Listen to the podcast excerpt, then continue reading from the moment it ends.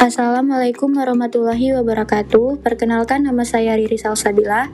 Saya berasal dari Diploma 3 Gizi tingkat 1A. Di sini saya akan menjelaskan tentang makanan kelompok saya yaitu bola ubi ungu coklat lumar yaitu berasal dari kelompok 2 yaitu alatnya yang perlu disiapkan yaitu baskom, wajan, spatula, kukusan, mangkuk, pisau, dan sendok.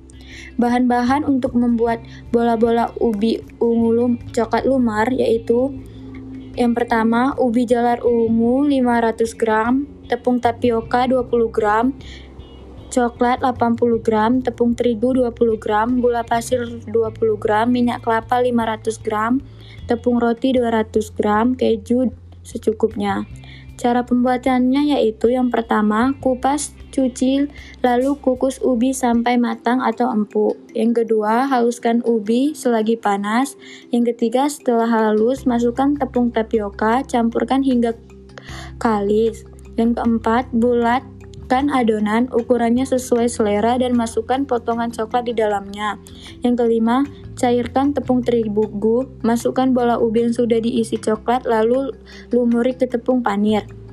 Yang keenam, simpan sebentar di kulkas agar tepung panirnya tidak lepas saat digoreng. Yang ketujuh, panaskan minyak lalu goreng hingga kekuningan. Yang kelapan, angkat dan tiriskan lalu taburi dengan potongan keju secukupnya kalau ada. Yang terakhir yaitu bola-bola ubi coklat lumer siap disajikan. Terima kasih. Wassalamualaikum warahmatullahi wabarakatuh.